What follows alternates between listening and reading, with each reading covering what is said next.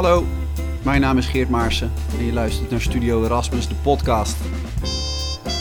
Ik zit achter mijn keukentafel, werk vanuit huis, net als een groot deel van Nederland op dit moment. En ik bel wekelijks met een beeldbepalende wetenschapper. Vandaag over werk. Ik ga zo meteen bellen met Fabian Dekker, arbeidssocioloog verbonden aan de Erasmus Universiteit en een belangrijke stem in het debat over de toekomst van werk. Hij deed onderzoek naar flexwerk, groene leger ZZP'ers, robotisering, burn-out en naar sociale zekerheid. Allemaal thema's die nu met de coronacrisis op scherp komen te staan. Want hoeveel flexibiliteit kunnen we eigenlijk aan als medewerker, als samenleving, als organisatie? Kunnen we het eigenlijk wel op afstand werken en hoe lang? En moeten we deze crisis aangrijpen om arbeid, sociale zekerheid en daarmee verschillen tussen arm en rijk fundamenteel anders te organiseren? Goedemorgen Fabian. Ja, goedemorgen Geert. Het is ons uh, gelukt in deze digitale uh, tijden. Ja, hoe is het, goedemorgen. hoe, is, hoe is het met je? Ja, het is goed. Nou, nou ben ik gelukkig nog wel iemand die van thuiswerk eh, houdt, over het algemeen. En dat is misschien ook gelijk het enige voordeel van deze, van, van deze gekke crisis, hè, van deze coronapandemie. Dat steeds meer mensen kunnen thuiswerken. Want ik denk tot, nou ja, eh, als je kijkt naar, eh, komen we een beetje deze tijd met z'n allen door. Er was volgens mij twee weken geleden een enquête naar. Zag je tot de meeste mensen zeiden van, nou ik ben qua productiviteit ongeveer nog op hetzelfde niveau. Ik denk dat dat vooral mensen zijn zonder kinderen overigens. Tegelijkertijd denk ik van, nou ja, laat dat dan misschien het winstpunt zijn. Dat we iets vaker tijd en plaats onafhankelijk kunnen, kunnen werken. Ja, want het is voor jou nog geen overkill ingetreden van Zoom-meetings, Skype-calls eh, en eh, werk op afstand. Ja, ja dat, dat wel, uiteraard. Want eh, je, je wordt er af en toe ook echt gek van. Van al die calls en gesprekken. Ik heb geloof ik ook mijn eerste digitale borrel al op de agenda staan. Het zijn allemaal dingen die je normaal in de fysieke wereld vooral wil doen. Dus laten we hopen dat het niet te lang duurt. Maar nogmaals, het enige is, thuiswerken deden we niet zo vaak in Nederland. Ehm, mag wel ietsjes vaker. Laat dat het enige stipje aan die horizon, horizon zijn. Ja, hey, ik, ik wil het even om te beginnen met je hebben over hoe we hier gekomen zijn. Hè? Want er is genoeg te zeggen over de toekomst. Dat wil ik zo meteen Ja. ook nog eh, wel Ja. eventjes op het menu zetten. Maar, maar eerst die vraag eh, van hoe heeft de Nederlandse arbeidsmarkt zich de afgelopen decennia ontwikkeld? Waar komen we vandaan? Ja, nou dat is wel eh, eh, grappig of gek om te zien. Er zijn heel veel denkers, eh, wetenschappers, die zeggen van nou ja, deze tijd laat echt grote systeemfouten zien, hè, de Nederlandse arbeidsmarkt. Voor een deel is dat waar. Als je kijkt naar de, de, de flexwerkers, de ZZP'ers, dat zijn de mensen die als eerste nu eh, buiten de deur staan. Dat zag je KLM trouwens. Eh, de uitzendkrachten. Ehm, aan de andere kant, misschien wel goed om te zeggen, we hebben een hele goede startpositie in Nederland. Hè? Dus we hadden, we zijn al bijna weer vergeten, de, amper 2, 2,5 maand terug. Lage werkloosheid 3%, lage overheidsschuld onder de 50%. De meest gelukkige jeugd van Europa. Het zijn allemaal dingen die we vergeten zijn deze gekke tijd. Ehm, dus de uitgangspositie was goed. Ehm, alleen, het is wel zo, daaronder zat die, altijd die dualiteit. Hè? De commissie Boslab schreef erover een paar, eh, twee maanden geleden. Hè, de, de, de, de ongelijkheid tussen mensen met vaste contracten, flexwerkers en ZZP'ers. Dat zie je nu bij uitstek terug. Wat je ook terugziet is ehm, mensen met arbeidsbeperkingen. Ja, logisch, eh, dit is niet de tijd om te reïntegreren. Dus ja, ook hier, eh, ons geheugen is misschien kort. We hadden het ooit over het onbenutte arbeidspotentieel in een krappe arbeidsmarkt. Hè. We hadden Ja. 700.000 Meer, die- meer vacatures dan werklozen. Voilà, ja, precies. En in die tijd hadden we nog 700.000 mensen die zelfs in die tijd niet konden participeren. Dus dat waren mensen die willen en kunnen werken. eh, Zo'n CBS-getalletje was dat. Die ook niet volledig arbeidsbeperkt waren, maar toch niet aan de bak kwamen. Omdat ze te weinig eh, loonwaarde hadden of te weinig verdiencapaciteit. Nou goed, nu zie je natuurlijk, er is ook geen hogere wiskunde, dat de klappen worden opgevangen door in eerste instantie kwetsbare groepen. Dus ik zei tegen jou, de flexwerkers, ZZP'ers, maar ook de mensen met arbeidsbeperking bijvoorbeeld. Mensen met een LVB, mensen die aan de kant stonden, waar nu geen toegang meer is. Of de mensen die al in een reïntegratietraject zaten. Dus ja, die dualiteit, dat is ook niet alleen door Boslab, maar ook door de OECD, de internationale denktank, zomer vorig jaar, werd het al meerdere keren neergelegd. Ja, dat zie je nu versneld terug. Dus misschien lang verhaal kort, wat je nu vooral ziet in zo'n zo'n zo'n periode van een coronapandemie, het legt eigenlijk bloot wat we al wisten. Eh, er gaat als het ware een soort van loop op die ongelijkheid. Mhm. Alleen, ik wil toch even waken voor, als ik kranten lees, zie je toch vrij zwartgallige berichtgeving. Ehm, waken dat we eh, een, een onvoldoende functionerende arbeidsmarkt hadden, die echt wezenlijk anders moet worden ingericht. Ik zou eerder zeggen van kijk gewoon naar de ongelijkheid en ga slijpen aan wat beter kan. Want eigenlijk tijd. hadden we het best Ja. lekker voor elkaar, zeg je. Ja, nee, uh, kijk bijvoorbeeld naar wat er gebeurt. We hadden net een paar minuten voor we begonnen hadden we het over Amerika. 30 miljoen werklozen. Ja, dat is een, qua sociaal beleid, dat is daar amper. Hè? Dat is niet te vergelijken met West-Europa. Kijk naar Italië, Griekenland, waar nog steeds een grote jeugdwerkloosheid is. Hè? Hoe mm -hmm. wij zelf ook in 2012, 13 zaten. Kijk naar Zuid-Europa, waar landen drie tot vier keer zo'n grote overheidsschuld hebben als hier. Die kunnen straks niet de noodpakketten in het leven roepen, want de, nou, de rentebetalingen staan al in, in, in, de rij. Dus ik wil maar zeggen, laten we niet uh, doorschieten nu in een soort algeheel collectief pessimisme, dat het slecht zou gaan met onze economie. Mm -hmm. Maar laten we vooral even kijken naar de groepen um, ja, die, het al moeilijk hadden en die nu als eerste die klappen op, uh, ja. opvangen. Ja. Maar goed, over de groepen die de klappen opvangen, als we kijken naar wat er de afgelopen jaren ontstaan is in Nederland, is er een enorm leger van ZZP'ers. een miljoen. ZZP'ers gaat het dan zeker. over. Flexibilisering van die arbeidsmarkt. Kun je ons even meenemen in, als we iets verder, jij zegt net het, het collectieve geheugen, kun je ons even meenemen iets verder terug? De afgelopen decennia, waar komen we vandaan. Nou, vandaan uh, je, hebt, je hebt gelijk, want het gaat om ruim 3 miljoen flexwerkers. Hè. Als je alles optelt, de flexwerkers, de ZZP'ers, waar komen we vandaan? Eigenlijk, nou, als we helemaal teruggaan, is het akkoord van Wassenaar. Daar zat de arbeidsduurverkorting en een soort van normalisering om ook bijvoorbeeld in deeltijd te gaan werken. Dan hebben we het over? Uh, 82. We kregen in 1996 de flexwet, wat een verruiming gaf in die tijd voor uh, de uitzendbranche. Dus we gingen steeds flexibeler werken. We hebben als je het hebt over de Want in de, jaren, in de jaren 60 en 70 is, leven, we in, leven we in een land waarin iedereen tot aan zijn dood bij dezelfde baas werkt. Dat beeld heb ik dan. Ja. Klopt dat? Absoluut. Ja, de, de, de, de, de grote, als je het helemaal chargeert, de grote uh, fabriekshal in de industrie. Hè, maar als je helemaal teruggaat, uh, ik, uh, jaren 50, 60 hadden we ook natuurlijk nog een zevendaagse werkweek. Hè, wat ook pas vanaf 1960 volgens mij naar vijf dagen is gegaan. Dus kortom, um, het vaste contract en de, fulltime arbeidsdienstverband was de norm. Nou, dat is door allerlei redenen, maar ook door mondialisering, hè, want er heel veel krachten die beuken op zo'n arbeidsmarkt in. Door sociaal beleid is dat flexibeler geworden. Dat is toegegroeid naar zo'n 38, 90 procent van de werkende beroepsbevolking, dus een groot deel. Maar ook hier laten we niet vergissen, je hoort nu, uh, commissie Boslap zei dat ook destijds, van vast moet weer de norm worden. Het, het, is, het was ook nog steeds de norm. Hè? 60% mm -hmm. van werk in Nederland had een vast contract nog steeds. Nou, um, waar kwamen al die ZZP'ers vandaan? Dat had te maken met de fiscale bevoordeling. We hebben in de jaren, um, beginjaren van de jaren nul, beginjaren van deze eeuw, heel veel regelingen bedacht om het aantrekkelijk te maken om als ZZP'er te beginnen. Uh, ik geef je een paar voorbeelden. De, de, de, het starten bijvoorbeeld met behoud van uitkeringen. Dat was gericht om je, je geluk te beproeven als zelfstandig ondernemer. We zaten in die tijd ook echt in een frame, MKB-winstvrijstelling, de zelfstandige aftrek hadden we al, om het ZZP, uh, de ZZP-populatie te vergroten. Mm -hmm. Bijvoorbeeld vanuit de reintegratie, participatie, of omdat het gewoon uh, goed is voor je economie. Hè? Het geeft een wendbaarheid, zagen we ook tijdens de bankencrisis. Nou, dat is alleen wat doorgegroeid. En ja, dan zie je ook natuurlijk... Doorgegroeid de, of doorgeschoten? Uh, doorgeschoten, denk ik. Daar zijn veel wetenschappers het ook overheen. Uh, als je dan vraagt... We van, ja, maar te veel heeft... zelfstandigen, te veel flexwerkers in Nederland. Nou, je zou, ik weet niet of je kan zeggen te veel zelfstandigen, maar je zou kunnen zeggen we hebben een te grote flexibele schil. Mm -hmm. je hebt een, een, te grote schil, dat zat ook goed in dat uh, rapport van Boslab, die eigenlijk niet nodig is om je economie een zekere wendbaarheid te geven. Um, uh, ILO, OECD, die zeggen al, allemaal van let op, het komt ook met sociale risico's. Bijvoorbeeld heel concreet te maken voor jouw onderverzekering. Of dat we nu uh, een groot deel van de ZZP'ers geen inkomstenbelasting betaalt. Nou, dat is best een probleem, want dan betalen we onze sociale voorzieningen weer uit. Ja. Er zijn onderzoeken gericht op de flexwerkers, dus echt de klassieke, tijdelijk, uh, oproep, uh, payroll. Um, dat is nadelig voor je innovatievermogen op de werkplek. Ik zeg er wel nadrukkelijk bij, dat gaat om de klassieke flexwerkers, dat gaat niet om de ZZP'ers. Daar ligt wat dunner onderzoek, denk ik. Maar uh, innovatievermogen komt onder druk te staan. Hey, dat heeft weer gevolgen voor ons productief vermogen in de economie. Dus lang verhaal kort regeert van te veel flex is uiteindelijk niet goed voor je economie. En daar was iedereen, dat is wel het mooie denk ik toen, dat de commissie Bosland met dat dikke rapport uitkwam. En ook de WRR, de kwaliteit van werk, hè, dat zat daar om, om de bij dezelfde tijd toen. De diagnose werd breed gedeeld door economen, sociologen, bestuurskundigen, politicologen, maar ook de polder. De hele mm -hmm. polder zei van ja, misschien is het wel wat doorgeschoten. En met, nou, en met de polder bedoel je uh, werkgevers, werkgevers, de, organisaties. De ja, uh, Den Haag, om het zo te zeggen. Dus mm -hmm. de Stichting van de Arbeid waar alle partijen uh, in zaten. Ik moet even maar... wennen aan het, aan het idioom van een uh, arbeidsmarkt sowieso. Maar de polder okay. is gewoon het, het, het, grote veld van mensen die meedenken en meepraat over dit soort dingen. Over de arbeidsmarkt en over ja. de toekomstige inrichting van je sociale zekerheid eigenlijk. Ja. ja.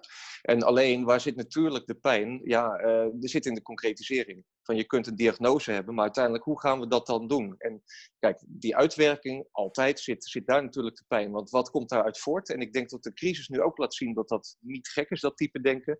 Dat je naar een soort arbeidsvormneutrale sociale zekerheid moet. Dat, wat bedoel ik daarmee? We hebben nu een, ook, ook in Nederland een noodpakket voor iedereen. Dus voor werknemers, voor uh, flexwerkers, voor uh, ZZP'ers, de TOZO-regeling, de NOW-regeling. Mhm.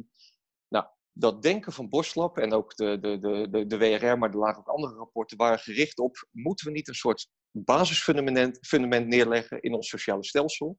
Of je, ongeacht of je nou flexwerker bent, ZZP'er, werknemer in loondienst, dat je toch voor langdurige ziekte, arbeidsongeschiktheid, hè, dat was al in gang gezet in Nederland in het pensioenakkoord, uh, uh, ouderdom, uh, scholing, zorg, dat daar een fundament ligt en dat het niet ertoe doet wat voor type contract je hebt. Ja. Nou, dat, dat fundament ze dan op een basisniveau moeten liggen. Dus daar, daarboven zit natuurlijk een zekere keuzevrijheid. Nou, dat was eigenlijk in gang gezet, dat denken.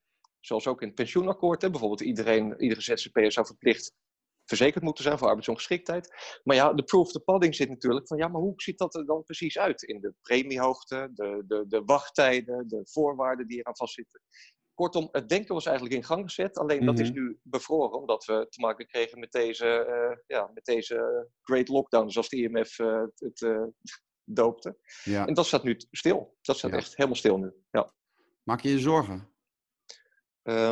Nou ja, goed, maak je zorgen. Um, de, de, onzekerheid is heel groot. Hè? Um, dus als, als ik word geïnterviewd of, of collega-onderzoekers spreek en nou, wij zitten aan de, de microbubbel van de toekomst van werk. En dat gaat ook over sociale zekerheid, dat gaat over uh, inclusief werk, hè, om even zo'n beleidsterm te nemen van wat doen we straks als er te veel groepen buiten komen te staan. Mm -hmm. De, de CPB-rapportages, die uh, scenario's, die, die liggen tussen, tussen 5,5 en 9,5 procent werkloosheid 2021, dat is fors. Hè? 9,5, dan zit je al boven het niveau van de bankencrisis 2008 tot met 12. Mm Ja, daar maak ik me, zoals iedereen, zoals iedere burger, natuurlijk zorgen om. Want ja, een, een, een virus, uh, kenmerk van een virus is onzekerheid. En voor beleidsmakers betekent dat beleidsonzekerheid. Je kunt daar niet op sturen, omdat er geen vaccinatie is. Dus ja, ik maak me daar zorgen om. Ik denk tegelijkertijd wel, um, ik had het met, met, collega's van jou over Erasmus Magazine over, wat je vanuit het verleden altijd ziet, en dat zie je nu ook met het um, noodpakket hè, voor banen en economie in Nederland. Dat um, uh, sociaal beleid heel snel verandert als er een crisissituatie is. Vergis je niet hoe snel dit uit de grond is gepompt. Hè? Die, die tijdelijke maatregelen als uh, uh, uitstel van belastingen, borgstellingen, de loondoorbetaling. Dat is in een paar weken bedacht. Dus ja, ik, ik sluit zelf eerlijk gezegd niet uit dat we eind van dit jaar een versnelling gaan zien, ook van het denken in termen van er moet een basisniveau van sociale bescherming komen voor iedere burger in Nederland. Want kijk eens mhm. wat een crisis nu kan doen, een coronacrisis. Ja. Dus ik denk dat dat versnelt. Alleen dat zal pas dit najaar uh, op zijn vroegst plaatsvinden. Want ja, we hebben nu andere dingen aan ons hoofd. Voldoende mondkapjes bijvoorbeeld. Het openbaar vervoer wat ingericht moet worden om weer enige ja, verlichting te geven. Ja, maar goed, nu heb jij het over de her herinrichting van onze sociale zekerheid. Terwijl het maar de vraag is of er überhaupt nog geld in de portemonnee zit over een half jaar, toch? Ja, maar de klappen die een economie nu krijgt, uh, die zijn toch ongekend? Zijn ongekend, maar Friesie, ik zei het tegen jou van het begin. Um, Nederland is wel een van de braafste jongetjes van de klas. Hè? Wij mhm. zaten onder 50% staatsschuld. Dus um, mensen als Koen Teulings terecht, die veel hebben gepubliceerd over de bankencrisis, totstandkoming en de gevolgen daarvan. Ik denk dat een van de fouten die we in Nederland hebben gemaakt, reflecterend, dat we vrij weinig hebben geïnvesteerd in die tijd. Dat de hand op de knip ging. Mm en ik zei tegen jou, vergelijk Italië, Griekenland en eigenlijk veel andere landen om ons heen. We kunnen het ons ook, er zit ook in de CPB-scenario's, gaan we nu niet heel instrumenteel in hoe die scenario's zijn, uh, zijn opgebouwd. Maar we kunnen het ons ook best veroorloven om de staatsschuld wat te laten oplopen. Um, dus ik maak me in die zin, hè, Hoekstra zei ook van, ik heb diepe zakken. Ik denk dat hij daar helemaal gelijk in heeft. Ik denk dat we ons wat kunnen permitteren in Nederland. Um, het zou anders zijn, denk ik nogmaals. Ik, ik haal Zuid-Europa vaak aan, maar ook uh, Midden- en Oost-Europa. Als je ergens anders zou wonen, werken en leven. Ja. Um, we kunnen ons wat permitteren. Ja. Oké. Hey, ja. wat we nu aan het doen zijn, hè? Ja. op afstand een interview doen. Zo zit iedereen van achter zijn keukentafel, al dan niet met gillende kinderen om zich heen, uh, uh, probeert wat van, van werk te maken. Uh, in hoeverre kunnen we hier mee omgaan als samenleving, als organisaties, maar ook gewoon als werknemers? Zijn wij, zijn wij bestand, zijn wij gemaakt om zo te werken? Um, jee, dat, dat, ga je eigenlijk de neuropsychologie in. Maar ik, ik, ik denk, hè, ik, um, als je kijkt naar, de, er zijn nu wat eerste voorzichtige surveys gedaan, hè, van, van enquêtes onder werkend Nederland, van um, wat gebeurt er als je gaat uh, thuiswerken met mensen? Mm -hmm. uh, voor je productiviteit, je, je sociale vermogens. Nou, het gros van de Nederlanders kan daar goed mee overweg. Alleen, ja, we zitten pas zes, zeven weken in de, de lockdown. Kijk, ja. wat, wat vanuit psychologisch onderzoek we hebben behoefte aan sociaal contact. En dit is heel leuk hoe wij nu hier uh, provisorisch natuurlijk een, een, podcast opnemen. Mm -hmm. Maar het is heel anders dan als wij hier uh, in de Schouwburg hadden gestaan met uh, misschien, misschien 100, 200 bezoekers. Waar interactie ja. plaatsvindt. En um, kijk, ik, ik, dit moet dat had, je liever, dat had je liever gedaan dan dit? Ja, veel liever natuurlijk. Ik denk ik ja, ook hoor. Je krijgt, ja. je krijgt vragen, je krijgt interactie. Um, je, je, je leert van anderen. Um, en natuurlijk kun je met Zoom, Skype, Teams kun je heel veel oplossen. Collectief verband. Maar het sociale contact, hè, psychologen hebben over het gebrek aan sociale aanraking. Mm -hmm. dat, dat, dat, dat, mist iedereen. Je kunt nog steeds in de supermarkt en je rondje lopen, maar eh, natuurlijk missen we dat. Dus alleen, ik denk als je kijkt, uh, de wendbaarheid van denk ik, de Nederlandse bevolking, puur op basis van die hele voorzichtige eerste peilingjes van wat doet thuiswerken met mensen. De meesten zeggen, uh, ik geloof dat om en bij 60% lag van de geënquêteerden. Het is so far so, so good. Hè? Het is mm -hmm. goed te doen, maar productiviteit mm -hmm. leidt er nog niet echt onder onder de voorwaarde dat je thuis moet kunnen werken, door niet in een contactberoep moet zitten.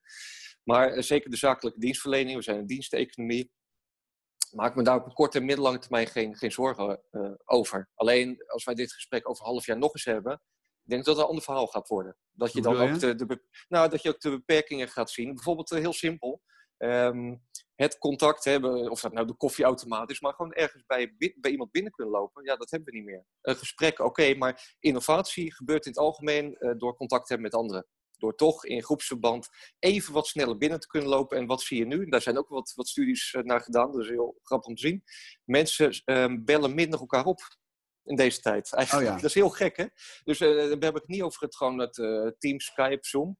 Um, maar wel van, goh, ik heb eigenlijk een probleem, kom er niet helemaal uit. Nou ja, ik ga het eerst maar zelf oplossen. Mm -hmm. Door te googlen, door te zoeken, uh, door, door een tutorial ergens te openen. En normaal, ik merk dat ook, loop je even uh, uh, bij iemand binnen. Zeg je, joh, ja. hoe heb jij dat gedaan? Of hoe heb jij die analyse verricht? Of hoe nou, heb jij dit, dit uh, nou, hoe, ja, hoe heb je dit opgelost eigenlijk? En dat doen we dus veel minder. We Doordat zo'n sociale structuur al een beetje uit elkaar gebrokkeld is eigenlijk. Ja, zeker. zeker. Dus je mist je kunt het heel hoog over, over cohesie gaan hebben en zo. Ik denk dat dat allemaal van die grote woorden zijn. Maar gewoon het bij elkaar binnenlopen, dat is ook geen hoge wiskunde. Ja, dat missen we nu. Ja. En dat is natuurlijk voor het opdoen van nieuwe ideeën. Creativiteit is dat natuurlijk gemis nu. Ja. Ja. ja. Ander ding wat we nu uh, aan het doen zijn, waar altijd veel, waar wel een zekere spanning in zit, is het combineren van werk en privé, noodgedwongen. Ja. Ja. Is er iets wat we wat dat betreft denk je kunnen meenemen uit de situatie waar we nu in zitten? Kunnen we met minder werk toe bijvoorbeeld? Ja, um, dat is lastig. Nou, goed, dat gaat over het korte werk eigenlijk. Hè? Van, van uh, de balans werk en privé. We, voor de crisis hadden we in Nederland met, in toenemende mate te maken met uh, burn-out. Emotionele vermoeidheid. Ja, dat heeft wel met jouw vraag te maken. Dus, dus we zagen ook dat werk intensiveert. Dus werkgevers, opdrachtgevers, die vroegen steeds meer. Ja, waarom deden ze dat? Logisch, want we hadden krapte. Dus je moet ook meer doen met minder mensen. Um, dus we waren wat aan het overvragen. En met name mm-hmm. ook onder de 35 minners, waar, daar piekt dat natuurlijk, die belasting. Werk en privé, de zorg voor anderen en toch het beste uit je werk willen halen. Um, ja, ik denk zelf dat we, psychologen hebben dat ook wel vaak aangetoond, dat we eigenlijk maar 5, 6 uur productief zijn per dag. Dus je zou kunnen zeggen, het is eigenlijk ridicul dat we acht uur op een werkplek überhaupt zitten. Mm -hmm. Ik zou er in die zin wel heel erg voor zijn om te zeggen, nou dat thuiswerken met mate uiteraard, maar als we uit deze hele ongelukkige tijd komen, misschien moeten we meer mensen de kans en ruimte geven om te kunnen thuiswerken. Eén of twee dagen per week, want vaak heb je toch met vertrouwensproblemen te maken. Dat komt altijd uit nummer één uit studies, vertrouwensproblemen van het management. Zal hij of zij wel voldoende productief zijn? Um, is, dat, is dat gerechtvaardigd eigenlijk, dat managers dat denken? Uh, uh, denk ik niet. Nee, denk ik niet. Want uh, dat zie je nu ook in de eerste. en dan, er moet ook meer onderzoek naar gedaan worden. Maar de, de eerste studies van als er gevaar wordt naar werkende zelf, kun je zeggen, ja, dat is sociaal wenselijke antwoorden. Maar toch, even die, dat, dat geparkeerd. mensen zeggen, ik ben eigenlijk nog, met name zakelijke dienstverlening, min of meer, afhankelijk van of je kinderen hebt die ook nog moeten onderwijzen, maar even productief als voor de crisis. Natuurlijk zit daar een omslagpunt. Maar dat vertrouwensprobleem van managers heb ik nooit begrepen eerlijk gezegd. Dus ik zou zeggen, ook hier als misschien een klein winstpuntje, laat werk, uh, werkend Nederland wat vaker thuiswerken. Ik geloof dat uh, als je echt iedereen werk Nederland optelt, ik geloof dat er om en nabij 25 tot 30 procent kon thuiswerken. Mm uh, al was maar één dag. Ja, is eigenlijk heel het gek. is niet zo, want je had het net over, je begon Ja. een beetje over die ingrediënten van, voor, voor een burn-out eigenlijk. Hè? Ja. Uh, dus die toegenomen druk. Ja. Er wordt veel van je verwacht, zowel op werkgebied als privé. Uh, dat heb je nu ook, toch? Het is niet zo dat dit per definitie een ongezonde situatie is, Nee. uh, vind jij? Nee. Nou, ja, dat is een beetje pas op de plaats, omdat we nog heel weinig weten eigenlijk wat er nu binnen huishoudens gebeurt. Hè? Want um, laten we niet een Hosanna-verhaal nu beginnen. Kijk, um, uh, binnen huishoudens, om het even heel concreet weer te maken. Um, kijk, we, we, er zijn ook heel veel kinderen uit zicht nu opeens duizenden kinderen die niet meer in beeld van de onderwijsinspectie. En dan denk ik bijvoorbeeld, nou, wij, wij zijn Rotterdammers, uh, zijn ook in Rotterdamse wijken, uh, onvoldoende uh, laptops binnen huishoudens. Ja. Onvoldoende vermogens om les te geven. Het huiselijk geweld, mensen die daar verstand van hebben. Onvoldoende cijfers nog, maar de indicaties zijn er, heel voorzichtig, dat dat wel eens kan toenemen. Ja, logisch, omdat er natuurlijk minder hulp wordt gezocht en dat je meer op, op kastlip zit. Dus um, als, ik, als, als je zegt van wat betekent dit nu voor werk-privébalans? Eén, het eerlijk antwoord, we weten dat nog niet zo goed. Twee, ik denk dat als het gaat om werk, dat dat redelijk meevalt voor de groep die nu kan thuiswerken. Mm -hmm. Maar drie, ja, wat betekent dit voor bijvoorbeeld onderwijsongelijkheid? Misschien een goed punt. Daar lezen we heel weinig over. Ik denk dat dat gaat toenemen nu. He, bijvoorbeeld, uh, we, we, zagen al dat onderwijs niet meer de grote trampoline was in Nederland. CPB, Onderwijsraad heeft erover gepubliceerd.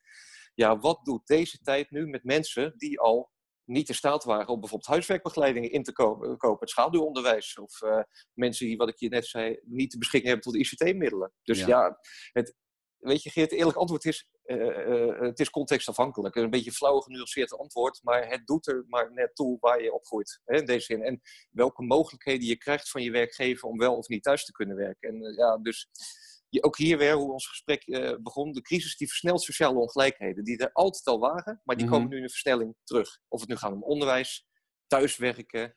Um, je ziet het overal, de, het hebben van werk, hè, wat rond de contractrelatie zit, het versnelt. Ja, je noemde die Verenigde Staten even, hè, met een uh, krankzinnig ja. aantal miljoenen mensen die een uitkering aanvragen, mensen die werkloos ja. thuis zitten. Ja. Het Verenigd Koninkrijk komt er de afgelopen weken ook niet al te best vanaf. Is dit nou met betrekking tot het, het grote systeem waar je als samenleving voor kiest of in terecht bent gekomen, ook een soort het failliet van het Anglo-Saxische model? Ja, maar um, dat, dat, dat zou kunnen. Dat zou kunnen. Je hebt veel mensen die dat nu uh, pretenderen. Alleen Nederlands is nooit een Anglo-Saxische samenleving geweest. Hè? Nee, daarom vraag ik het ook ja. niet. Nee, oké, okay, maar je zou dat kunnen zeggen. Nee, maar goed, uh, dit, dit, als je kijkt van wat zijn de gezonde samenlevingen uh, mm -hmm. en je, je plot dat naar uh, institutionele kenmerken, ja, dan zie je welke landen doen het over het algemeen het best. De Scandinavische landen, Nederland, Duitsland, West-Europa. Ja, waarom? Omdat er nog altijd een actieve overheid is. Het is Ja. misschien wel, um, als je dat bedoelt, ben ik helemaal met je eens. Um, het hele hardcore neoliberale denken, wat inderdaad in Engeland, Amerika, Australië, de klassieke Anglo-Saxische landen. Ik denk wel dat je nu kunt zeggen van overheidsingrijpen is dus niet negatief voor samenleving en economie. Want, uh, want, je, want je hebt gelijk, hè, 30 miljoen uh, werklozen in Amerika.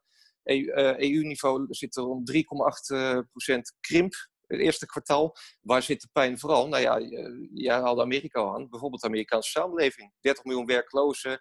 Een gebrekkige gezondheidszorg. Waar letterlijk in Brooklyn, ik, heb, ik zag gisteravond die beelden, waar de vrachtwagens met koolelementen staan om daar uh, uh, overledenen bijna te stapelen. Want zo erg en zo um, zwartgallig is het. Um, er is daar geen sociaal vangnet. En dan denk ik, vergis je niet hoe goed we het hebben in Nederland met dat noodpakket wat we nu met z'n allen bedacht hebben. Voor zelfstandige werk, mm -hmm. uh, de uitstel, de, de, de, de, hele praktische dingen, uh, de, de, de, de uitstel van belastingen, de borgstellings, de kredietvormen. Dus in die zin ben ik helemaal met je eens, Geert, van overheidsingrijpen staat een, een gezonde economie niet in de weg. Nee. Ja, maar goed, ja. die uh, maatregelen die er nu liggen zijn van tijdelijke aard. Wat we de afgelopen ja. jaren hebben gezien, ja. is toch wel een beetje die neoliberale wind door het land. Absoluut. Veel ja, VVD'ers, ja. veel VVD'ers uh, op belangrijke posten, het kabinet ja. lange tijd. Uh, dus zou in die zin, nu, nu, als jij Ruk aan het stuur zou mogen suggereren, uh, weer toch iets meer in de richting van die, die zorgstaat die we ooit zo, uh, zo hebben opgetuigd met elkaar uh, pleiten? Ja. Ja, je hebt helemaal gelijk. Als je het zo bedoelt, ook wat mensen als Kim Putters al vaak hebben gezegd. Hè, directeur van het SCP, ja. Ja, uh, hij zegt het netjes volgens mij, de, de, de, herwaardering van de publieke zaak heeft het over. En je hebt helemaal gelijk, ik begrijp nu wat je bedoelt. K terugkijkend naar de protesten op het Malieveld vorig jaar, nog nooit ja. zoveel protesten gezien. Dat waren allemaal protesten rond zorg en onderwijs. Nu applaudisseren we voor diezelfde beroepsgroepen, ja. zorg en onderwijs. En daar hebben we inderdaad, ik ben het helemaal met je eens, met, met de decentralisatiebeweging van de afgelopen tien jaar, hè, zeker de afgelopen vijf jaar met name, hebben we daar behoorlijk hard op zitten draaien. En ik denk je bedoelt, dat ze zijn verwaarloosd, ze zijn uitgekleed. Ja, bezuinigingen. Ja. ja. zeker. Als je kijkt naar de, de, de, de, de decentralisatie, voor een belangrijk deel waren die natuurlijk gericht op bezuiniging. En, en daarom uh, trokken de onderwijzers en de, de, de zorgverleners, naast de boeren, die zijn we nog bijna vergeten, die tijd om andere redenen, die vertrokken naar het, naar Malieveld. En ik denk dat jij gelijk hebt van dat we nu eens misschien terugkijkend en als er straks de, de tijd ervoor is, reflecteren dat we kunnen zeggen, mensen, uh, herwaardeer wat van belang is. Hè?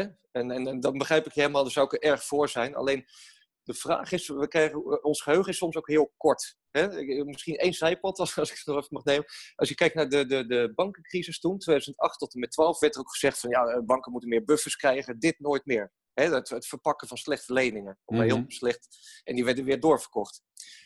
Uiteindelijk, als je kijkt naar Nederland, we hebben daar natuurlijk wel van geleerd. Er zijn meer buffers gekomen voor banken, hè? er zijn meer Europese afspraken gekomen. Maar als je kijkt naar de private schuldenlast in Nederland, de hypotheekschuldenlast, nou, die is sinds de crisis, en dan, dan heb ik het even over de afgelopen vijf jaar, dat we weer in redelijk economisch vaarwater zaten. Die is nou op zijn zachtst gezegd nou niet echt afgenomen. Dus nee. je zou kunnen zeggen van, ons geheugen is soms ook weer dermate kort. En dat er ook in een half jaar tot een jaar tijd ook, uh, dat je een soort business as usual weer kan krijgen. Volgend jaar krijgen we weer verkiezingen.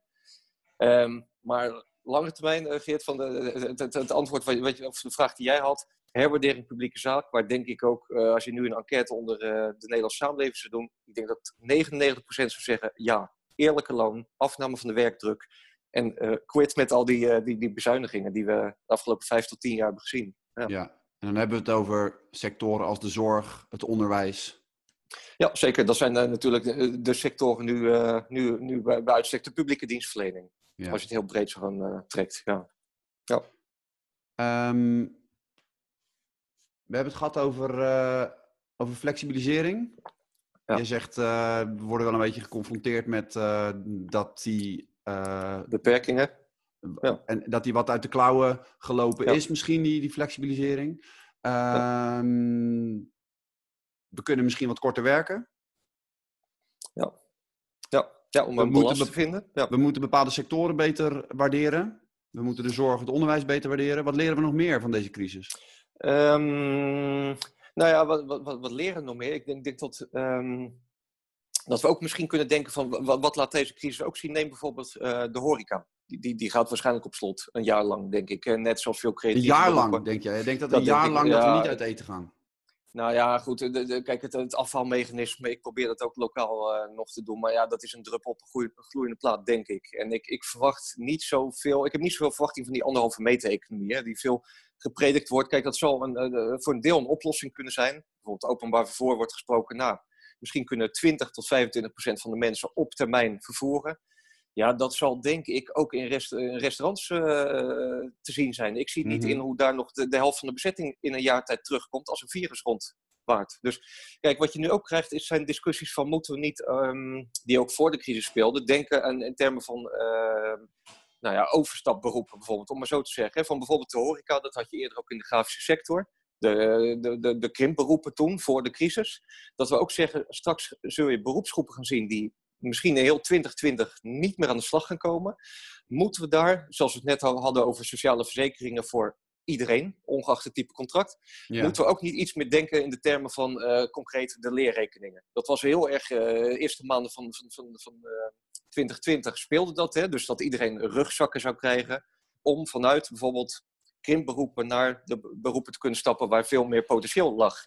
Ik kan me ook voorstellen dat deze crisis laat zien dat bepaalde beroepsgroepen nou ja, um, uh, gewoon meer niet aan het werk komen en dat we straks na die financiële regeling voor, voor, voor ondernemers uh, moeten denken van ja, hoe nu verder? Mm -hmm. Bijvoorbeeld tekorten in de, de, de, de verpleging straks. Hè? Dan heb ik het niet over de IC natuurlijk, waar je anderhalf jaar een opleiding voor moet doen, maar in de facilitering daaromheen. Dat we denken van, hé, hey, kunnen we eigenlijk ook niet denken, sociale zekerheid, dat we de leerrekening alsnog gaan uitdenken? bijvoorbeeld een verplichte leerrekening, wat al een paar keer is geopperd. Hè? Dat zowel ZZP'ers als um, mensen in loondienst een verplicht percentage van de omzet of bruto loonsom in een rugzak, een leerrugzak als het ware, zetten. Waaruit je de ontwikkeling gedurende de carrière betaalt voor jezelf. Precies. En dan, dan, dan weet ik wel, op korte termijn lost dat natuurlijk niet veel op. Want uh, ik bedoel, ja, hoeveel kan je, kan je sparen in een paar maanden? Maar even denkend ook verder dan deze crisis. En dan denk ik aan de sociale zekerheid anders inrichten. Risico's overkomen iedereen, of je nou ZZP flex bent of in loondienst. Dat is één, denk ik. Ik denk ook het denken in termen van scholing. Dus dat heeft met je inzetbaarheid, je werkzekerheid te maken. Van, mhm. Laat deze crisis ook niet zien dat de direct getroffen sectoren, dat het misschien, een kleine pleister hoor, maar misschien iets meer uh, uh, nou, de mogelijkheid kan geven om over te stappen op, de, op termijn. Hè? Dat heeft met nou, het leren te maken. Ja. Um, we hadden het net over de kwaliteit van werk, over burn-outs. Nou, we zien dat bepaalde groepen gedijen in, met thuiswerken, bijvoorbeeld. En, met, met, en misschien kunnen ook iets korter gaan werken, wat wat meer lucht kan geven naar, naar huishoudens. Hè? De burn-out tegen te gaan, bijvoorbeeld zorg voor kinderen of de, de, de mantelzorgverplichting in te kunnen vullen. Dus dat laat deze crisis misschien ook zien. En misschien tot slot nog even, daar hebben we het misschien um, nog niet over gehad. Uh, je zou kunnen denken, wat doen we straks in 2021 met de groepen die echt buiten staan?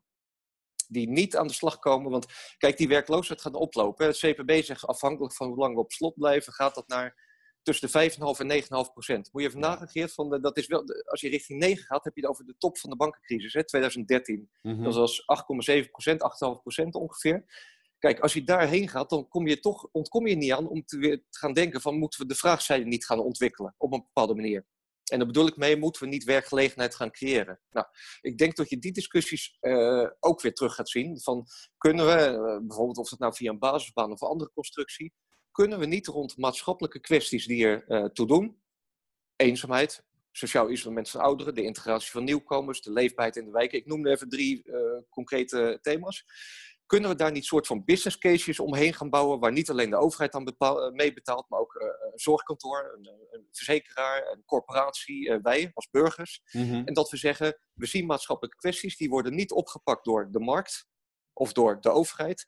Maar als we daar allemaal aan meebetalen, kunnen we daar wel werk van maken. En dat lost dan ook maatschappelijke problemen op. Kijk, dat type denken, dat is gewoon een voorbeeld. Maar ik vind dat ook een, een interessant perspectief. Hè? Dus wat niet wordt opgepakt, maar wel in een mooie business case wordt opgehaald. En dan gericht op de mensen die bijvoorbeeld langdurig in de, in de WW komen straks. Want vergis je niet, de, ook de ouderen hebben het nog niet over gehad, maar de 50-plussers. Als jij nu ontslagen wordt, nou, we weten, een van de structurele problemen in Nederland is ouderenwerkloosheid ook dat zullen we terug gaan zien straks hè, op die arbeidsmarkt. Van wat voor nieuwe arrangementen gaan we daarvoor bedenken? Maar dit vereist toch een enorme wendbaarheid van, uh, van mensen, van, ja. uh, van organisaties. Waar ja. je nu, hè, je noemde het al even, tegelijkertijd, dat heb ik altijd wonderlijk gevonden, veel vacatures en tegelijkertijd werkloosheid. Um, jij doet nu alsof iedereen maar gewoon kan gaan switchen en overstappen. Ja, ja, en dat zien we nauwelijks toch in een de, de, de, hele specifieke eisen worden gesteld aan, aan, aan medewerkers. Of, of, kunnen we daarin makkelijk een switch maken, denk jij? Nou, weet je, natuurlijk heb je gelijk. Hè. Als, als je ook weer hier, ik ben wel van om het heel concreet te maken. Kijk, als je het hebt over, uh, nou, neem maar onze gemeente Rotterdam. Als je kijkt wat daar in de bijstandspopulatie zit, daar zit een gemiddelde um, duur in van 11 jaar bijstand. Hè? Bijvoorbeeld mensen met multiproblematiek, la, la, uh, lagere taalvaardigheid. Natuurlijk heb je het terechtpunt dat je zegt, ja, maar uh, daar kunnen we toch niet drie kwart even van gaan mobiliseren. Bijvoorbeeld, mm -hmm. hè? Uh, om maar een voorbeeld te geven. Uh, ik geloof 35.000 mensen gaat het daar om. Nee, maar ik heb wel natuurlijk, daar bovenin zit natuurlijk potentieel. Um, de mensen die eigenlijk nog willen en kunnen, maar die bijvoorbeeld via de reguliere reïntegratietrajecten toch niet aan de slag komen. Bijvoorbeeld om wat jij zegt, er ligt ook heel veel onderzoek naar dat werkgevers gewoon veel meer zijn gaan verlangen van mensen. je moet een soort jack of all trades zijn, je moet allemaal van die, van die balletjes in de lucht kunnen houden. Ja, in zo'n samenleving zaten we tot voor kort. Ja, en als jij dan afstand krijgt tot die arbeidsmarkt, dan kom je natuurlijk op de reguliere arbeidsmarkt niet meer aan de slag. Mijn punt is eigenlijk, sommigen noemen het een parallele economie, dat je naast die bestaande arbeidsmarkt misschien moet gaan nadenken voor een soort, nou noem het even een parallele economie, mijn part, of doet er een andere etiket op. Dat je zegt van, laten we even iets meer wat structureler nadenken om um, um, lucht te geven of perspectief te geven aan die groep die nu, zeker in deze tijd, buiten de arbeidsmarkt komt te staan. En waarvan we ook nog niet de moed hebben opgegeven. Dus het is eigenlijk een soort van pad tussen de langdurige bijstand en de reguliere economie. Mhm. Nou, dat is eigenlijk mijn pleidooi van laten we daar nu eens met z'n allen ehm, ehm, werk van maken. En, laten we eens kijken of dat haalbaar is überhaupt. En voor wie dat haalbaar is. En wie wil daar gaan meebetalen. Zijn er, landen waar ze, zijn er landen waar ze dat goed organiseren eigenlijk, vind jij? Um, nou ja, uh, uh, Nederland eigenlijk, zou ik bijna willen zeggen. Maar ik, bedoel, ik moet heel erg aan de jaren negentig denken, hè, Nederland. Waar, ja. waar sociale werkplaatsen, ja. melkertbanen, dat soort plekken. Is dat iets waar je, waar je naar terug zou verlangen? Nee, ik zou nooit terug verlangen naar de melkertbaan. Weet je waarom? Dat was volledig gesubsidieerde arbeid. En daar zat ook het hele idee achter van het moet een reïntegratie-instrument zijn. Waarom is die melkertbaan geknald? twee redenen. Ja, heel veel mensen konden niet meer reïntegreren naar een betaalde baan op die reguliere arbeidsmarkt. Mhm. Um, en dat was volledig publiek gefinancierd. Nou, dat maakt op twee redenen heel erg kwetsbaar. Want ja, één, hebben we minder geld te besteden, dan is het weer even snel vertrokken als het kwam, door bezuinigingen. Dus het moet nooit door de publieke sector, door de overheid alleen gedragen zijn. En twee, het moet ook een participatieinstrument zijn. He, er is niks mis mee om te zeggen tegen een groep: u heeft um, misschien onvoldoende loonwaarde om te participeren. Maar via deze, deze parallele economie kunt u wel participeren en ook nog maatschappelijke kwesties oplossen, en passant. Dus dat is wezenlijk anders dan de melkertbaan. Dus uh, daar zat maar één partij en dat was gericht op reïntegratie naar het bestaande. Ja. En dit is ook een participatieinstrument. En bijvoorbeeld Groningen is daar, weet ik, mee bezig. Die hebben uh, budget vrijgemaakt. Die, daar zijn geloof ik buurtconcierges uit mijn hoofd aangesteld vanuit de bijstand. Dus heeft de gemeente Groningen gezegd, dat doen we. Dat gaan we ook heel netjes evalueren met een echt net met een controlegroep en met, met een groep werknemers die aan de slag gaat. Die matchen op kenmerken. Nou, we gaan nu niet de techniek in, maar je begrijpt het punt wat, wat ik wil maken. Um, Assen is daarmee bezig, Tilburg is daarmee bezig, uh, Rotterdam en Den Haag willen die kant op. Dus ik vind dat eigenlijk de vergezichten waar ik heel enthousiast van raak. Van, uh, terug naar deze tijd van uh, mensen, we staan allemaal onder druk en we hebben het allemaal lastig, zonder uitzondering. Maar laten we even denken van, wat kunnen we hier misschien straks van leren? Nou, misschien anders kijken naar sociale zekerheid. Misschien anders kijken naar de fulltime werkweek binnen de kantoortuinen. Worden we over het algemeen niet gelukkig van. En misschien anders ook kijken naar, um, uh, verder kijken dan alleen de reguliere arbeidsmarkt. En ook zeggen van, misschien kunnen we naast die reguliere arbeidsmarkt een wat verbreding laten plaatsvinden. Waar ook de meerwaarde niet zozeer zit in hoe we altijd keken, de uitkeringsbesparing. Mhm. Maar misschien zit dat ook in andere kenmerken, hè, we- die, die te maken hebben met het brede welvaartsbegrip. Dus indicatoren als bijvoorbeeld eh, eh, geluk, afnemende zorgconsumptie, toenemende sociale participatie. En, en sommigen zullen misschien zeggen eh, wat zweverig, maar vergis je niet, dat is allemaal te monetariseren. Dat, dat levert euro's op, door zo te denken. Ja. Ehm, dus, ik dus, vind het toch ja. best wel nog een eh, optimistisch verhaal, Fabian. Ja, nou ja, ik, ik, ik wil die ook niet helemaal weg. Kijk, we, kunnen ook, als je, als je zegt van wat zijn nou de, grootste zorgenpuntjes. Ik, ik, ik zie dat zelf vooral de, de, de voorkant van de keten. Dus waar we het net al een paar keer over hadden, de, de, de onderwijsongelijkheid. Want daar wordt helaas niet zoveel over geschreven, vind ik, in de media. Ehm, maar de kansenongelijkheid in het onderwijs. CPB had een Centraal Economisch Plan hadden ze uitgebracht. Een van de koppen, maar doe ik even uit mijn hoofd. De, de luisteraars moeten het maar even nagoogelen. Maar dat was een van de koppen van onderwijs in Nederland is niet meer de great equalizer. Is niet Mhm. meer de grote trampoline die het ooit was. Kijk, dat vind ik, en daar word ik wat zwartegalliger van. Ehm, dat we zien door studiekeuze van mensen met vermogen, door het schaduwonderwijs, de, de, de huiswerkbegeleiding. De groepen die nu in vrij rap tempo buiten beeld aan het raken zijn, vaak de, de G4, de grote steden. Ja, daar word, daar word ik wel heel pessimistisch van. van wie zijn dat? Waar zitten die eh, kinderen? Eh, wat gebeurt er met hun? Er is geen zicht op. Die melden zich ook niet bij loket of bij, bij het onderwijs Mhm. kijk, als jij zegt van eh, los van, van de gezondheidscrisis, want daar word ik ook natuurlijk wel wat zwartgalliger van, van hoe lang duurt dit? Maar de voorkant van de keten. Want onderwijs is, hè, de aansluiting onderwijs-arbeidsmarkt leidt op tot een positie in de samenleving straks. Nou ja, daar, als je zegt van maak, maak je zorgen om, de voorkant. En dan wordt eh, Geert ook heel, ik begrijp dat niet zo goed, heel weinig over geschreven, of relatief weinig over. Het gaat over, ja, vaak heel praktisch, van, van wie is er nog aan het werk, hoeveel eh, NOW-regelingen zijn er aangevraagd, hoe bevalt het thuiswerken ons. Mhm. Ik denk dat we ietsjes, maar dat is mijn persoonlijke opvatting, iets, iets systemischer moeten kijken, waar jouw vragen ook over gaan. Sociale zekerheid, eh, kansengelijkheid, eh, eh, banencreatie, maar ook onderwijs. Als vehikel van een verdelen van positie. Hè? Ja, maar misschien is de conclusie, de cynische conclusie wel dat het ons niet zo heel goed lukt om door deze crisis heen te kijken. Ja, Simpelweg omdat Ja. de onzekerheid te groot is en we ons daarom vastklampen aan hoe ingewikkeld is mijn leven geworden nu ik voor mijn, eh, mijn twee en mijn vijf en mijn zevenjarige tegelijkertijd moet zorgen. Red ik Nee. het wel via Zoom en Tuurlijk, tuurlijk, heb ik tuurlijk. straks nog werk? En laten we eerlijk zijn, alle begrip. ik zeg alleen, ons gesprek moet je ook even zien, een soort van frame. Als we straks zes maanden, hè, want daar hebben we het nu wat mij betreft over, zes maanden in deze lockdown zitten. En veel mensen houden zich meer of minder mate houden het daarin vol na die zes maanden, denk ik, um, en, en zelfs zo cynisch is het ook, volgend jaar krijgen we weer kabinetsverkiezingen, hoop ik wel dat we iets verder willen kijken um, dan, dan SEC van moeten we weer ergens een regeling bedenken om een bepaalde groep binnenboord te houden. En natuurlijk mm helemaal eens, joh, we hebben nu veel belangrijke dingen aan ons hoofd dan ons gesprek. Maar betekent niet dat we als we straks in het najaar 2020 zitten, dat we denken van wat kunnen we leren? Dan hebben we meer data, dus we hebben ook meer inzicht hè, als het gaat om werk en inkomen. Um, maar zouden we ook ietsjes verder kunnen kijken? Ik vond jouw vraag bijvoorbeeld heel goed van uh, de publieke herwaardering. Van waar, we zijn de protesten uh, al, alweer vergeten van vorig jaar. Hè? Ja. Het, het, het, de duimschroeven aandraaien van de publieke dienstverlening. Kijk, dat vind ik nou wel discussies die we wel weer moeten gaan voeren. Als je het hebt mhm. over wat leren we van deze, van deze crisis. En uh, ja, nou goed, dat is wel mijn optimisme. En nogmaals, in crisistijd worden vaak de grootste beleidswijzigingen doorgevoerd. Ik, ik verwijs alleen maar nu naar het steunpakket, maar ook Neem de jaren 80, uh, eh, begin jaren 90, wat Lubbers toen deed met de WO bijvoorbeeld. We zaten in crisistijd, ja, dan zie je de grote beleidswijzigingen. Dat zie je nu ook. Moet je eens nagaan wat in drie, vier weken tijd uit de grond is gepompt. Ja, ja, een steunpakket, waar, waar normaal je had de polderdek één, twee jaar voor nodig. dus ik, ja, ik, ik blijf daar optimistisch in en ik hoop dat we daar de vergezichten straks um, wel kunnen, kunnen incorporeren. Uh, en, en, nogmaals eens, dit gaat niet ons gesprek over wat we in mei, juni, juli of augustus gaan doen. Daar is de tijd niet naar. Maar het najaar hoop ik tot de tijd, als we wat meer terugkijken, meer weten van dit virus en ook uh, gewoon praktisch voldoende mondkapjes hebben om weer in de bus te kunnen stappen.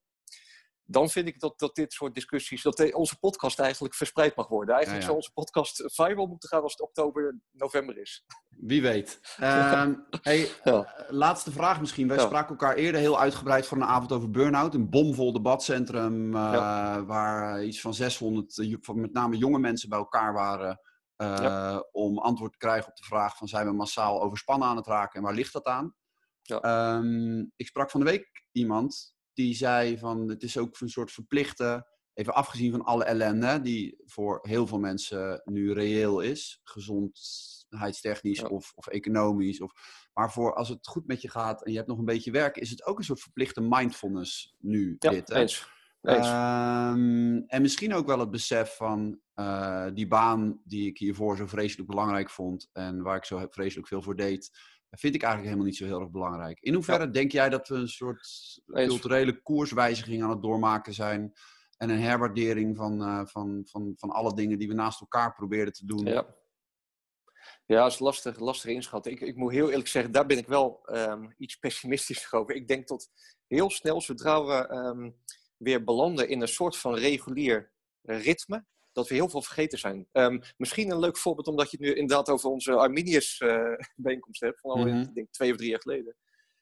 Um, gisteren of eergisteren zag ik een item, ik dacht dat het van FNV Jong, um, of Jonge United, ik weet niet precies hoe het heet, maar de jongere tak van de, vak, van de vakbond, kwam weer met de verloren generatie op te proppen. hey, dat is uh, precies een van onze thema's waar we het in crisistijd over hadden. Um, en dat heeft ook met burn-out te maken. Dus in die zin, uh, ja, eens, dit is de tijd van herbezinning. Maar aan de andere kant al het frame nu van, ja, maar kijk naar de, de schulden die jongeren maken en, en de banen die niet zijn en de mbo-studenten die hun stages nu niet kunnen lopen. Dat zijn uiteindelijk wel vrij instrumenteel technische discussies. Hè? En dat heeft niet zoveel te maken nu, denk ik, met, met, met herbezinning op de inrichting van je leven en herbezinning rondom je identiteit. Dat zijn toch weer echt praktische dingen. Ik wil mijn diploma halen. Ik wil straks een baan hebben. Ik wil straks een relatie hebben. Dus ja, ik denk op korte termijn dat daar een stukje bezinning gaat plaatsvinden. Mhm. Maar tegelijkertijd, ja, uh, kijk bijvoorbeeld de indicaties die psychologen en psychiaters nu geven. Ik geloof RTL Z al de item laatst volgens mij. De uh, aanmeldingen nemen behoorlijk toe. Dat heeft dus vrij weinig te maken met de veronderstelde herbezinning en, en rust die je in je leven creëert. Nee, ja. die onzekerheid voedt behoorlijk uh, het stressniveau, denk ik. Ik denk dat dat eerder het geval is. Ja. Met die pessimist... sluiten we toch een beetje negatief af. Ja, nou toch een beetje. ja, ja, ja. ja. Wat, uh, wat ga je doen vandaag, Fabian? Ja, ik, ga, ik, ik weet niet, dag. ik, ik heb weer drie videocalls vandaag. Echt waar? Echt waar, ja. Gelukkig, eh, het onderzoekswereldje draait door, dus je kunt vrij veel uh, vanuit thuiswerkplek doen. Maar uh, weet je, net als jij bent journalist, jij, jij interviewt mensen, je, je zit op debatten, podia participeren kijk, voor mijn microbubbeltje is niet helemaal vergelijkbaar. Maar ja, ik, ik, normaal, ik presenteer bevindingen, ik interview mensen, maar dan vanuit het onderzoek hè, uh, op locatie. Ja, ik, ik, ik, mis dat ook heel erg op dit moment. Dus het sociale. je bent ook wel af en toe klaar om je, om je laptop het raam uit te mieteren als je weer zo. Ja, nou ja, uh... goed, wij doen dat nu wat, wat de, de, de, kijkers of luisteraars die zijn, weten dat niet. Maar ja, ik zei al tegen jou, mijn MacBook Air is al gesprongen, twee weken geleden. En dat zou je dan ook zien in crisistijd. Zo'n kleine ongemakken. Wij praten nu ook even heel provisorisch via smartphone. Ik in ieder geval wel.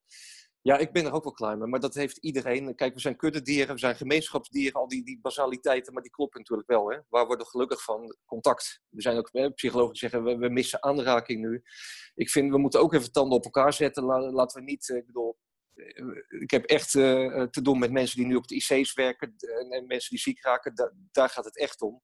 Maar op lange termijn natuurlijk, ja het stressniveau neemt toe. Ik zie ze hier ook op de balkons, uh, ik weet niet of het bij jou is, maar op de balkons heb ik ze al een paar keer zingend zien staan. Dat is een hang naar contact natuurlijk. En ja, uh, ja. ja dat missen we. En dat is, heel, uh, ja, dat is wel heel scary kijken naar de toekomst, vind ik. Ja. Dankjewel. Graag gedaan. Je luisterde naar Studio Erasmus, de podcast een programma van de Erasmus Universiteit waarvoor ik elke week van achter mijn keukentafel bel met een beeldbepalende wetenschapper.